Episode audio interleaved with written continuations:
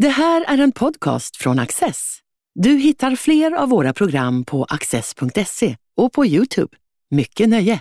IVO sågar Sveriges regioner i en ny rapport.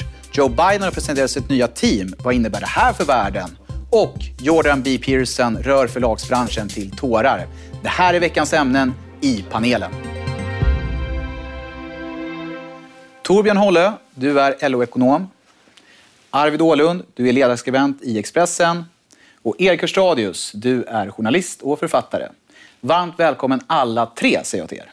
Tack. Inspektionen för vård och omsorg, IVO, riktar hård kritik mot Sveriges samtliga regioner för att det brustit i vården av äldre under coronapandemin. Bland annat har nästan en femtedel av de som bott på äldreboenden inte fått någon individuell läkarbedömning och information om eventuella sjukdomstillstånd har inte kommunicerats till äldre och anhöriga. Det är några av de punkterna som IO tar upp och frågan är är den här granskningen ytterligare ett argument för att Sveriges coronastrategi har misslyckats eller är det ännu för tidigt att dra några slutsatser? Torbjörn, du får börja. Men att den svenska strategin är misslyckad, det tror jag att det bör råda närmast konsensus om. Alltså det vill säga den strategin vi valde i, i våras, att vi lät smittan liksom sprida sig lite grann. Vi hade liksom en teori om att det, var, det gick inte att stoppa det, utan det, det handlade om att hålla, hålla det på nivå så man inte skulle överbelasta sjukvården. Alltså det var ju många länder, ska man säga, många bedömare som tidigt på året hade ungefär den här tagningen. Men så lämnar man den här tagningen, men Storbritannien lämnade under buller och bång ju. Man, man gjorde ett 180 graders sväng där. Och Sverige liksom ändra, har, har i praktiken ändrat den steg för steg under våren. Så, att, så att det tror jag vi gjorde liksom en vi tog en chansning som inte gick hem, det måste man nog säga. Så jag tycker att den här diskussionen om, om IVO och eh, alltså döden på äldrevården är jag tycker, alltså jag, blir lite, jag, tycker att den är, jag tycker jag blir nästan lite ledsen av den. Därför att det är ingen som tar ansvar. Alltså jag läste kommentarerna igår i tidningen om, efter den här rapporten kommer. Inga regionalpolitiker som tar ansvar inga regeringsföreträdare som tar ansvar, utan regeringen skyller på regionerna, regionerna skyller på regeringen och, och myndigheterna tar inte ansvar. Alltså jag skulle så jättegärna vilja höra någon bara säga att det blev fel, men nu lär vi oss av detta och nu försöker vi liksom, eh, göra det bättre. Jag tror att det är en jättefarlig signal till hela samhället. Att, att allvarliga misstag, fel, inte får konsekvenser, att ingen tar ansvar. Om inte regeringsföreträdare politiska företrädare på regionen tar ansvar, varför skulle då tjänstemän på lägre nivå ta ansvar? Ingen tar ansvar, säger Torbjörn. Vad säger du, Arvid? Jag håller delvis med. Alltså, det är ju samma gamla visa alltid, det vill säga att alla uttrycker bestörtning eh, från eh, statsministern neråt. Sen så är det förmodligen som du säger att ingen tar konkret ansvar. Det är lite svårt. Jag tänker så här, när man läser det här, man inser att det är så ett uppenbart systemfel på flera, flera nivåer. Eh, det är läkarbrist, det är sjuksköterskebrist, det är liksom ingen som koordinerar. Eh, det blir rätt mycket liksom pang i bygget. Ska man åtgärda det, liksom, eh, det kräver ju en sorts omläggning av hela... Det, menar, det är ju själva definitionen av ett systemfel. Eh, och att det liksom tar tid. Jag är lite intresserad av att förstå vad det skulle liksom hjälpa nu. Eftersom vi är mitt inne i en andra våg. Eh, och, men vi har de här problemen, inte i samma utsträckning som i våras. Eh, jag menar, det känns som att det som förs fram, som man ändå får säga, i, i form av Eh, liksom åtgärdsförslag och så här, det är ju sånt som ligger långt fram i tiden av, av väldigt eh, naturliga skäl. Liksom. Ja, det finns ju kortsiktigt, så att säga, hur löser vi problemen nu med, med corona? Med, alltså vaccinering och, och eh, social distansering och olika regleringar och förbud och sådana saker. Ehm, och sen långsiktigt hur man styr upp saker i vården. Vårdskulden, om vi kan tala om en sån, det, det handlar ju delvis om om lågt utbildad personal. Och, men, men, men det finns ju också, tror jag, en underdiskuterad eh, så att säga, svensk filosofisk idé om vad ett människoliv värt och eh, hur tänker vi på våra gamla och sådana saker. Och, och jag säger inte att den svenska linjen är, är väldigt, väldigt fel och, och, och någon slags normal europeisk linje är väldigt rätt.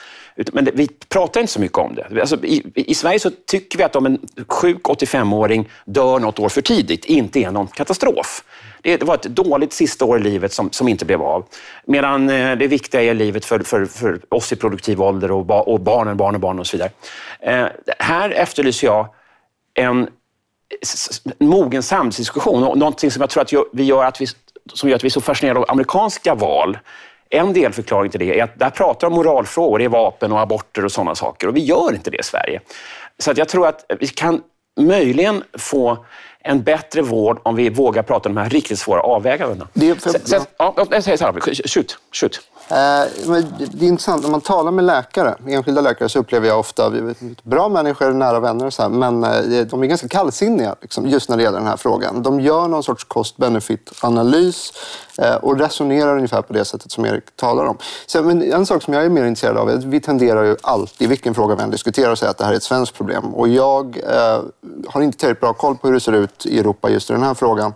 Eh, men eh, det kom en väldigt intressant bok här om eh, månaden är det, va, då, av eh, före detta ekonomistchefen eh, John Mickelwaite och Adrian Woolridge som fortfarande jobbar där som handlar om att hur hela liksom väst har misslyckats eh, under coronan och hur det liksom det är så uppenbart om man jämför då inte bara Sverige utan även USA, inte minst en kvarts miljon döda, liksom, med hur det har sett ut i Asien. Jag menar, bara rolig grej, inte rolig, tragisk, men liksom tragikomisk är ju att som jag förstår då, så har det liksom fler har insjuknat i Vita huset än i Taiwan.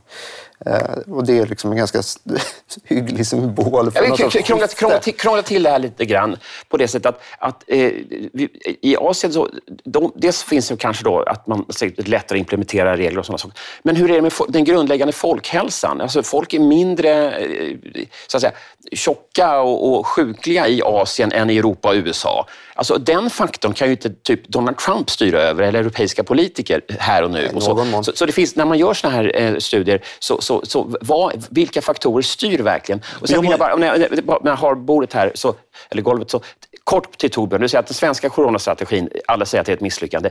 Ja och nej.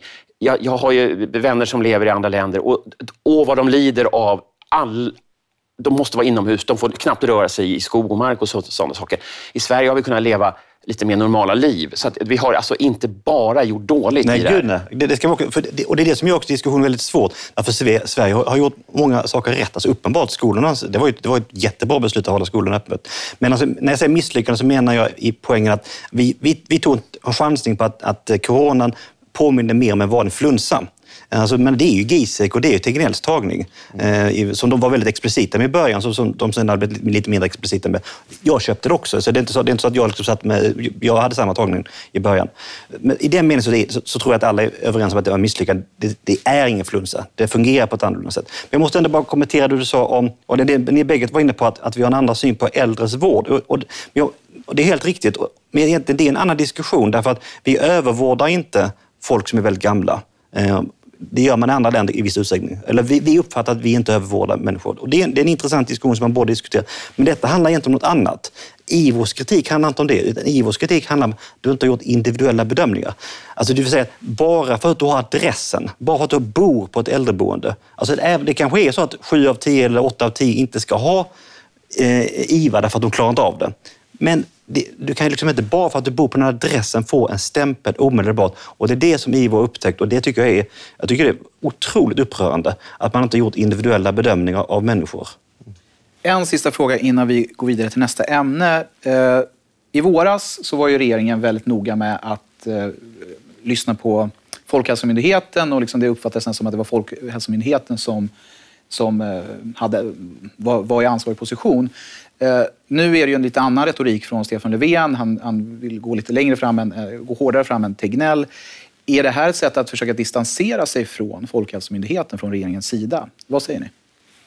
Alltså kort är det väl så att till slut måste regeringen visa att, att det, det är någon som bestämmer. Det var lite pinsamt i våras att, att regeringen gömde sig bakom Folkhälsomyndigheten. För de ska ju säga sina saker. Men det handlar ju om, om, om smittskydd och sådana saker. Sen ska ju regeringen ta ett helhetsansvar. Och nu, nu tycker jag att de faktiskt lite härligt att se att de, de, de tar ansvar och tar då också kulorna när det, som viner i debatten. Så det, det, tycker jag är friskt. Fast det blir ju nästan lite humoristiskt fortfarande då, nu som Löfven håller ett tal till nationen och säger så här ska vi göra, så här ska vi göra. Så, här. Sen sitter Tegnell dagen efter, om inte samma kväll, och säger ja, jo, så här. Jag tycker, Liksom. Bottom line är fortfarande att kommunikationen... Jag har default-läge jag älskar pluralism. Pluralism är så härligt. Kommunikationen är ju under all kritik, tyvärr. Jag som liksom lekman som har dessutom haft det här, så jag fattar fortfarande inte riktigt vad det är. Så här, man, får, man får demonstrera max åtta pers utomhus, man får sitta 300 pers i en lokal. Det är ju inte logiskt. Sen så finns det säkert så förklaringar och så, men då måste kommunikationen vara ännu vassare. Om det är det vi har att jobba med. Och det har den inte varit. Den har varit kass. Ja, och det får avsluta veckans första ämne. Och nu är det dags att gå vidare till USA. Janet Yellen, Anthony Blinken, John Kerry och Jake Sullivan. Det är bara några av namnen som ska ingå i Joe Bidens innersta krets. Men vilka är de? Vad säger de om Bidens ambitioner? Och vad innebär det här för Europa? Jag vänder mig till dig Arvid, du är ju något av vår USA-nestor i panelen. Vad säger du? Eh, bra namn eh, om man är någon sorts amerikansk folkpartist, som jag tenderar att vara.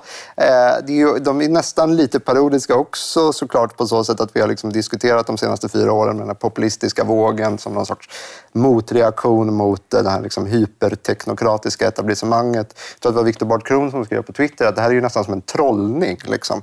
Du utnämner eh, liksom folk här, som har som är Davos, eh, har varit Davos 20 år i sträck och har egna private equity-bolag och är liksom, så vi ska lyssna på, eh, på vetenskapen. Så, så att, eh, på så sätt är det ganska kul. Men Janet Yellen, toppnamn. Eh, Blinken, toppnamn. John Kerry eh, gör mig väldigt glad för jag tror att han kan, just på klimatområdet så kan presidenten få rätt mycket gjort. Eh, även om han inte har kongressen med sig. Och jag tror att John Kerry är ett jättebra namn. Så att, för oss stråkmånsar är det kul. Vad säger LO? Jag vet inte vad LO säger, men Torbjörn eh, så... Torbjörn som är från LO. Eh, nej, men jag, jag kan inte, jag kan, de utrikespolitiska personerna kan jag inte svara för, men Jellen tycker jag är jätteroligt. Eh, det, det, det är en person som har varit med ohyggligt länge. Hon har varit på Fed och hon har varit rådgivare till, till till presidenter. Och, hon, har inte, hon har inte själv Nobelpris, men hon har Nobelpris i ekonomi i familjen. Så det, det, är en väldigt, det är en väldigt kompetent person. Så jag tror att det är bra för, bra för, det är bra för världen att vi får en, vi får en finansminister i USA. Men, men det är trots allt en, lite av en global koordinator av eh, finanspolitik i, i ett sånt här eh, ekonomiskt läge som vi befinner oss i. Och jag tror det är jättebra för världen. Så jag är glad. Vad kan vi förvänta oss för eh, framtida finanspolitik från Yellen? Jag föreställer mig att, att, är, att, hon, att det är en person som anser att att penningpolitiken delvis är uttömd och att finanspolitiken måste ta vid. Eh, nu ska man ju faktiskt ge Donald Trump att, alltså, att även om profilen på hans finanspolitik kan man ha stora eh, synpunkter på. Det, att han, det var väldigt mycket skattesänkningar till personer med väldigt goda inkomster. Men han har bedrivit en väldigt aktiv, eh, aktiv finanspolitik och det är också naturligtvis en av anledningarna varför han är så populär i USA. Därför att folk har fått sänkta skatter en masse. Liksom. Eh, och jag tror att en eh, viktig uppgift nu för USA det är att säkerställa att, att andra stora industriländer också bedriver liksom en ansvarsfull ansvarsfull men ändå liksom, eh, expansiv finanspolitik som kan understödja den globala återhämtningen. Får jag bara inflika där? Jag tror att just när det kommer till finanspolitiken också så ska man vara lite försiktig ändå. För att Republikanerna är skrupelfria. Eh, och de kommer förmodligen att svänga. Eh, jag menar, det vill säga, de har låtit Trump, eh, på ett sätt som jag håller med dig om är ganska bra, har liksom fört en expansiv politik. Det finns rätt mycket som tyder på att de kommer svänga kraftigt nu av liksom realpolitiska skäl. Och eh, budgetar är betydligt svårare att få igenom i USA eh, utan kongressens stöd. Så att eh, vi kan få en ganska paradoxal situation då där vi får mer åtstramning med en finansminister som kanske egentligen skulle vilja göra tvärtom. På, på, den gamla, på den gamla goda tiden, eh, kalla kriget, så där, då talade man om kremlologi. Alltså vad, vad hände i Kreml? Man utforska vad Sovjetledningen hade för avsikter med sina, sina, sina rörelser och, och, och utspel och sådana saker. Och med Biden får man göra så lite grann också, för att vi vet ju inte vilken politik han gick till val på, förutom att man ska bära mask utomhus och att han, han tyckte väldigt illa om Trump. Va? Det var liksom, tycker illa om Trump, bära mask utomhus. Nu när han utnämner folk till sin administration, då är det, det, det är ju signaler om vilken politik han ska föra. Och att det här gällen, det är, det är naturligtvis att, att, att världens finansmarknader ska vara lugna. Det, här, det, det är ingen vänstersväng, så att säga. Där, det som oroar mig däremot är att, att eh, när det gäller vissa andra utnämningar så har han fått väldigt lite pisk av sin egen partivänster. De har inte eh, gått till storms än mot de här utnämningarna. Vilket, då, vilket jag då tolkar som att de känner att Biden lyssnar på den progressiva, radikala delen av Demokraterna. Och det oroar mig. Eh, om vi tar eh, snubben, Mallorca, som han heter, som ska bli chef för Department Department of Homeland Security, tror jag heter. Han har ju då gjort uttalanden genom åren som är extremt Ehm, så att säga anti-Trump när det gäller synen på, på in, illegal invandring. Att, att de som kom för väldigt länge sedan eh, ska få stanna eh, utan problem och sådana saker. Och, och, och också när det gäller flyktingpolitiken. Och, och, och, och eh, Partivänstern sitter ju då still i båten när Mallorca tillträder. Men frågan är om inte Biden då inbjuder enorma mängder illegal invandring, vilket jag tror att USA får betala för. Inte minst demokrat, väljare som, som får, får, kan drabbas av lägre löner och, och, och mer arbetslöshet. Det, ja, det är lite så här Rorschach-tester där kan jag känna ibland. För att vi pratar om Obama, då kan du liksom prata om... Man kan anlägga perspektivet att det var kumbaya och jättebra. Du kan också säga att han var liksom stenhård, vilket han var i ganska hög utsträckning när det gäller eh, migrationspolitiken och så. Eh, eh, men det märktes inte för att retoriken var inte sån. Liksom. Men jag tror, jag tror inte man ska överskatta partivänsterns inflytande, för valresultatet var sådant att de har inte särskilt starkt mandat. Sen kommer han förmodligen som liksom Clinton gjorde och alla gör, man ger typ Bernie Sanders eh, arbetsmarknadsministerposten och så får de vara glada för det. Liksom. Det är som, ungefär som Göran Persson fast tvärtom. Man ger det som passar folk istället för... Och så får man se vad som händer i senaten också. Det är, det är, det är, det är några omval i Georgia som kommer att avgöra hur, hur ser majoritetsförhållandet ut i senaten och det avgörs i januari. Vi vet faktiskt inte hur, hur senaten kommer att se ut. Uh. Arvid, du nämnde Obama. Eh, jag tänkte att när Obama efterträdde George W. Bush fanns ju enorma förväntningar på, på omstart, nystart. Finns det en risk för att, att eh, det är samma läge igen nu? Alltså att, att förväntningarna på den här Biden-administrationen är så skyhöga så att det kommer bli svårt att infria de här? Kanske, fast vi upplever att vi alla är mycket mer cyniska än vi var för 12 år sedan. Jag menar, det, det, roliga med Obama var att man rycktes med och det var liksom kul att få uppleva någon sorts Kennedy-moment vi också, som aldrig får göra det, vår generation. Eh, och att man liksom inte fattade att Republikanerna satt och sa att eh, det här ska vi sätta stopp för. Så här, nu vet man ju det. Vi ju, jag upplever inte att folk tror att allting kommer bli perfekt. Snarare att det kommer bli som att gå igenom swimmingpoolen. Eh, det vill säga, att det kommer vara trögt. Eh, men som Erik säger, alltså, extremt mycket av den här dynamiken kommer att formas av de här valen i Georgia. Det är väldigt viktigt att påpeka, för att de avgör vem som vinner senaten. Och vinner Demokraterna senaten och, och sen gör vissa saker, tar bort filibustern och så här, då kan det hända grejer ganska fort. Sen har de bara lite tid på sig, för sen kommer Republikanerna göra, vinna igen i mellanårsvalen förmodligen. Så, här, så det är som det brukar vara på det sättet. Vill ni kommentera? En reflektion som man kan göra det är att jag tror att eh, alltså, Donald Trump var på många sätt liksom en tokig. Alltså, men det, det, innebär inte att han, att han bara förde fram tokiga åsikter. Tvärtom så, så var det så att han lyfte upp frågor som, som under Obama-regimen och eh, framförallt tidigare Bush-regimen, eh, där, där regeringen i Washington hade kommit fel i relation till befolkningsmajoritetens uppfattning. Jag tänker bland annat på liksom, ja, Bush enorma liksom, krigsföring både i Irak och Afghanistan, uppen, uppenbarligen. Men också en, också en, en naiv syn på, eh, på frihandel. Alltså jag är stor frihandelsvän, men om du inte ser till att ersätta de som förlorar sina jobb med någonting så kommer du ju få en backlash såklart. Och det var ju liksom, och, det var, och alldeles för liksom positiv syn på Kina till exempel. Alltså man måste ändå ge Trump att han, att han, liksom, att han, eh, att han lyfte upp ett antal jätteviktiga frågor. Och jag föreställer mig, utan att kunna USAs politik, utan att kunna vara någon expert på amerikansk politik, jag föreställer mig att det är viktigt för Biden-regimen att inte slänga ut barnen med badvattnet, så att säga, utan att han faktiskt ser att Trump identifierade riktiga, viktiga frågor och försöker liksom bära det vidare Eh, naturligtvis utan, att, utan de här tokerierna som han ägnar sig åt. Ja, det känns som att det ska sägas någonting till. Nu har vi på något sätt lämnat den här frågan om, om Bidens kognitiva förmåga. Eh, och den är liksom grav nu. Han klarar debatterna bra, men det, det, ska bli spännande att se hur, hur orkar han med att vara president, 78 år gammal och och eh, bitvis inte alert och så. Eh. Jag har aldrig fattat det där, för jag tycker Trump är hundra gånger värre. Alltså, jag oroar mig för Trumps kognitiva förmåga enormt mycket mer än Bidens. Man kan titta på en kognitiv kurva. Eh, Trump kan, har varit even Steven i 40 år. Och, och, och, Fast alltså, det har han inte. Han var betydligt mer normal eh, på 80-talet om man lyssnar på hur han låter. Eh, han, är, han, han var inte alls den wacko bird han är nu. Ja, det får avsluta det andra ämnet, men vi ska stanna kvar på den nordamerikanska kontinenten. För här kommer veckans tredje och sista ämne. Skrik, gråt och förtvivlan. Beskedet om att Penguin Random House Canada ska ge ut Jordan Petersons kommande bok togs inte väl emot av alla anställda. Orsaken uppgavs vara att Peterson är en symbol för hatiska och transfoba åsikter och krav på att förlaget måste backa från utgivningen har framförts, men hittills utan framgång. Är det här en enskild händelse eller är det en del av en större cancel culture-trend i västvärlden? Erik, vad säger du? Ja, det är ju en del av det, det du nu kallar cancel culture. Alltså att den som inte tycker som jag, eller min grupp tycker, ska inte ens få uttrycka den åsikten.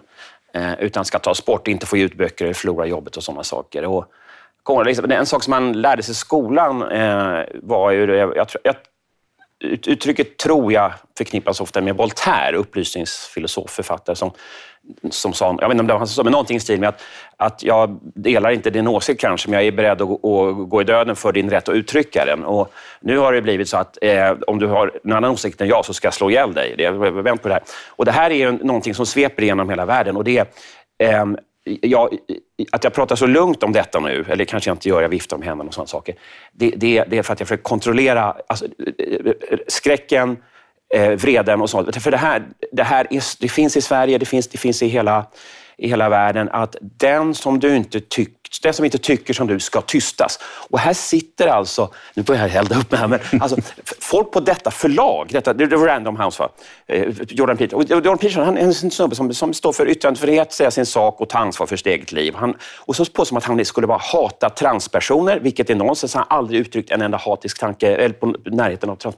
Och, och eh, att, att det, att förlaget skulle så att säga förbryta sig mot transförfattare om man delar förlag med den här Jordan Peterson. För att, varför ska inte ett förlag kunna ge ut böcker med olika perspektiv och åsikter? Det är helt absurt att vi håller på i snabb takt lämna de här idéerna om yttrandefrihet, åsiktspluralism och så. Eh, och eh, ja, jag blir så upphetsad nu, kan, eh, på ett dåligt sätt, så jag kan inte prata längre. Då får Arvid komma in. Ja, jo, nej, men jag tänker så här, jag nästan tar motsatt position trots att, för att vi alla tycker likadant i den här frågan, är jag ganska övertygad om. Så nästan bara för åsiktsfrihetens skull så borde jag, jag älskar gå i polemik. Ja, det, ja, nej, yes, men så här, jag, jag, tycker likadant i princip. Jag, jag kan tycka att det är lite paradoxalt som säger att de, man blir ihjälslagen när man har fel åsikt. Problemet är att de som ska slå ihjäl en står och gråter i ett hörn. yes, Arvid, bra! Eh, men det är ju lite så. Eh, eller det är väldigt mycket så. Och jag tycker att det nästan är det mest fascinerande, eller det som inte har lyfts fram. För jag reagerade ganska starkt på den här eh, Jordan Peterson-historien också, för att den är så urbota löjlig, liksom, tycker jag. Tycker väl egentligen nästan alla, verkar det som.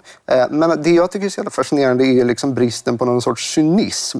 För att jag tänker mig att om man sitter på ett möte och jobbar på ett förlag och får veta det här och börjar gråta, då är man ju, tänker jag, genuint chockad. Liksom. Eh, det är ju reaktionen. Och då tänker jag, men det kan inte vara så chockerande att ett förlag som dessutom är världsledande och ger ut alla möjliga böcker, ger ut en bok man inte tycker om. Det är så uppenbart att det ingår på något sätt i Comes with the territory. Och då börjar jag fundera på det här med som bland annat Jonathan Haidt, som också är en eh, socialpsykolog, har skrivit om. Så här, det här är, det är nästan intressantare med liksom den psykologin. Jag förstår så här, fine, man behöver inte gilla Jordan Peterson. Man kan gå hem och muttra med sina polare och säga att jävla skitförlag jag jobbar på. Men att börja gråta öppet, det är ju liksom, det är absurt. Eh, så, så att jag, jag, jag slår ett slag för cynismen. Gå hem och sura och istället. argumentera mot Jordan Peterson i den mån du tycker ja, att han har fel. såklart. Men du har ju helt, så här, ja, jag håller med ja, dig ja, ja, i principfrågorna såklart. För att, eh, jag håller med. Det är ju totalitärt. Tendensen är totalitär. Torbjörn? Ja, alltså det, det, verkar dock, alltså även om det finns i Sverige som du säger, så, så, så verkar det vara lite av ett amerikanskt fenomen på universitet, i universitetsmiljö. Liksom, att man ska, liksom, att det ska liksom rensas ut eh, på ett sätt som jag, jag, nu är det så länge sedan jag befann mig i universitetsvärlden, men jag uppfattar att det inte finns i Sverige på samma sätt. Det finns kanske något exempel. Det finns ganska starka tendenser. Det kanske, det kanske. Jo, men det är komiker som bort från Spotify och Alexander ja. Bard får inte vara jurymedlem i TV4 och sådana saker. Ja. Ja, det, det finns, och, och, här, du, fick inte, du får inte söka på ordet, vad var det då, n-ordet. Eh, eller du får inte ens säga att det här tyvärr är ett ord som existerar i den historiska litteraturen. Så här. Utan, det kanske finns så. mer utbrett i Sverige än vad jag trodde, har föreställt mig. Men, men det, som, det som jag däremot noterar, i de, de miljöer som jag kanske rör mig, jag tänker liksom dels politiska, fackliga miljöer, så, så, så finns det ju, alltså, och det tror jag i alla miljöer, att det finns, att det finns en tendens att att, att, att det som sticker ut och skaver, är liksom, det, det vill man gärna putsa bort. Alltså, men socialdemokratin är väl det bästa. Alltså, socialdemokratins stora alltså, framgångssaga är ju att man har varit ett sånt otroligt brett tält. Liksom. Eh, och, alltså, där, där, där man tillåter saker som sticker ut och skaver lite grann. Och det är därför man har kunnat fånga upp så många människor. Och socialdemokratin har ju blivit smalare och smalare i den bemärkelsen. Jag uppfattar att det, att det ser likadant i andra partier, kan inte andra partiers lika inre väsen på samma sätt.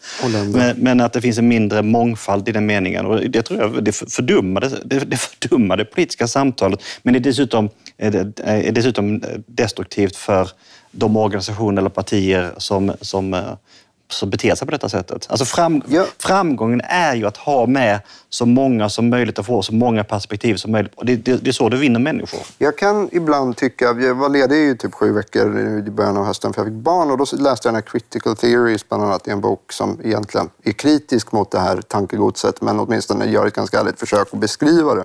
Jag läste också en bok som då liksom vinnlade mig om att lägga en bok som faktiskt har det här perspektivet och utgår ifrån någon sorts critical race theory. För att jag kan ibland också tycka att man, det blir, man blir lätt raljant. Liksom. Man blir också väldigt här, säker på sin syn och det där är dåligt och därför ska vi, liksom, ni totalitära och så. Att, jag vet inte, vissa av idéerna är ju intressanta men det är ju liksom den här tendensen som är så jäkla frånstötande att man liksom tjurar och gråter och skriker. Ett konkret liksom. exempel, och tiden är knapp och så, men, men eh, det, det, i amerikanska, i New Yorks skolmyndigheter så hade de ett Zoom-möte för några månader sedan. Då sitter en vit superliberal snubbe och är barnvakt åt sin svarta kompis lilla barn och sitter med det här barnet i knät på, på det här Zoom-mötet och blir då, får bli fruktansvärt hatad av de andra vita liberala lärarna för att som vit man kan du inte ha ett, ett svart barn i knät för då uttrycker du vit makt. Alltså det, det låter ju helt absurt, men så absurt var det. Den här personen, en superliberal eh, snubbe som var kompis med en svart person och hade lilla barnet i knät som barnvakt, höll på att få sparken eh, från, från den här myndigheten. Jag tror han var tvungen att bli bortplockad. Approprierat barnet. Och, och de här idéerna, så jag säga, de är så otroligt giftiga, totalitära, vidriga. Och, och jag, du gör rätt Arvid som försöker sätta dig in i tankegodset critical race theory. Men vi ska, vi ska veta att grunden är rasistiskt fast åt andra hållet. Absolut. Men jag kan och, ibland... Och, och vi ska hylla Donald Trump. Han tog faktiskt bort critical race theory från utbildningarna inom offentlig sektor i USA. Tycker, Där slogs han för en god sak. Att det kan vara viktigt ibland också påpeka att Sverige, en viktig distinktion är att Sverige inte är USA. USA, har, eh, USA är grundat på identitetspolitik. Det, liksom, det, det sitter djupt. Och det har varit från andra hållet också. Jag menar, herregud, de hade ju apartheid för inte ens 50 år sedan. Så att, jag menar, det, de här idéerna är ju ett sorts en begreppsapparat som har gått överstyr. Men vi är USAs 51 delstat, så det kommer snart till absolut. oss. Absolut, men de här idéerna har inte uppstått ur ett vakuum. Man måste ta dem på allvar. Man måste liksom ta eh, rasmotsättningar och vad du vill i USA på allvar. Men man ska inte liksom, det är otroligt valhänt att på något sätt importera dem eh, wholesale till Sverige, för vi har en helt annan kontext. Ja, det var kul när Black Lives Matter-demonstrationen i Sverige så frågade man en svart snubbe som var ute där och lallade omkring. Han, bara, han var bara vilken barn ungefär. Och han sa, men svenska polisen är ju jättesnäll. Vad demonstrerar de om? Alltså, det, finns ju inga, det finns ju inga taskiga svenska poliser mot oss svarta. Och han, han, han var amerikan, men hade ja. både ja, nej, Det blir ju rätt absurt. Mm. Det får bli slutordet i det här veckans avsnitt av panelen. Stort tack för att ni har varit med och stort tack för att ni har tittat. Du har just lyssnat på en podcast från Access. Du vet väl att vi också är en tv-kanal och tidning? Teckna en prenumeration idag på access.se.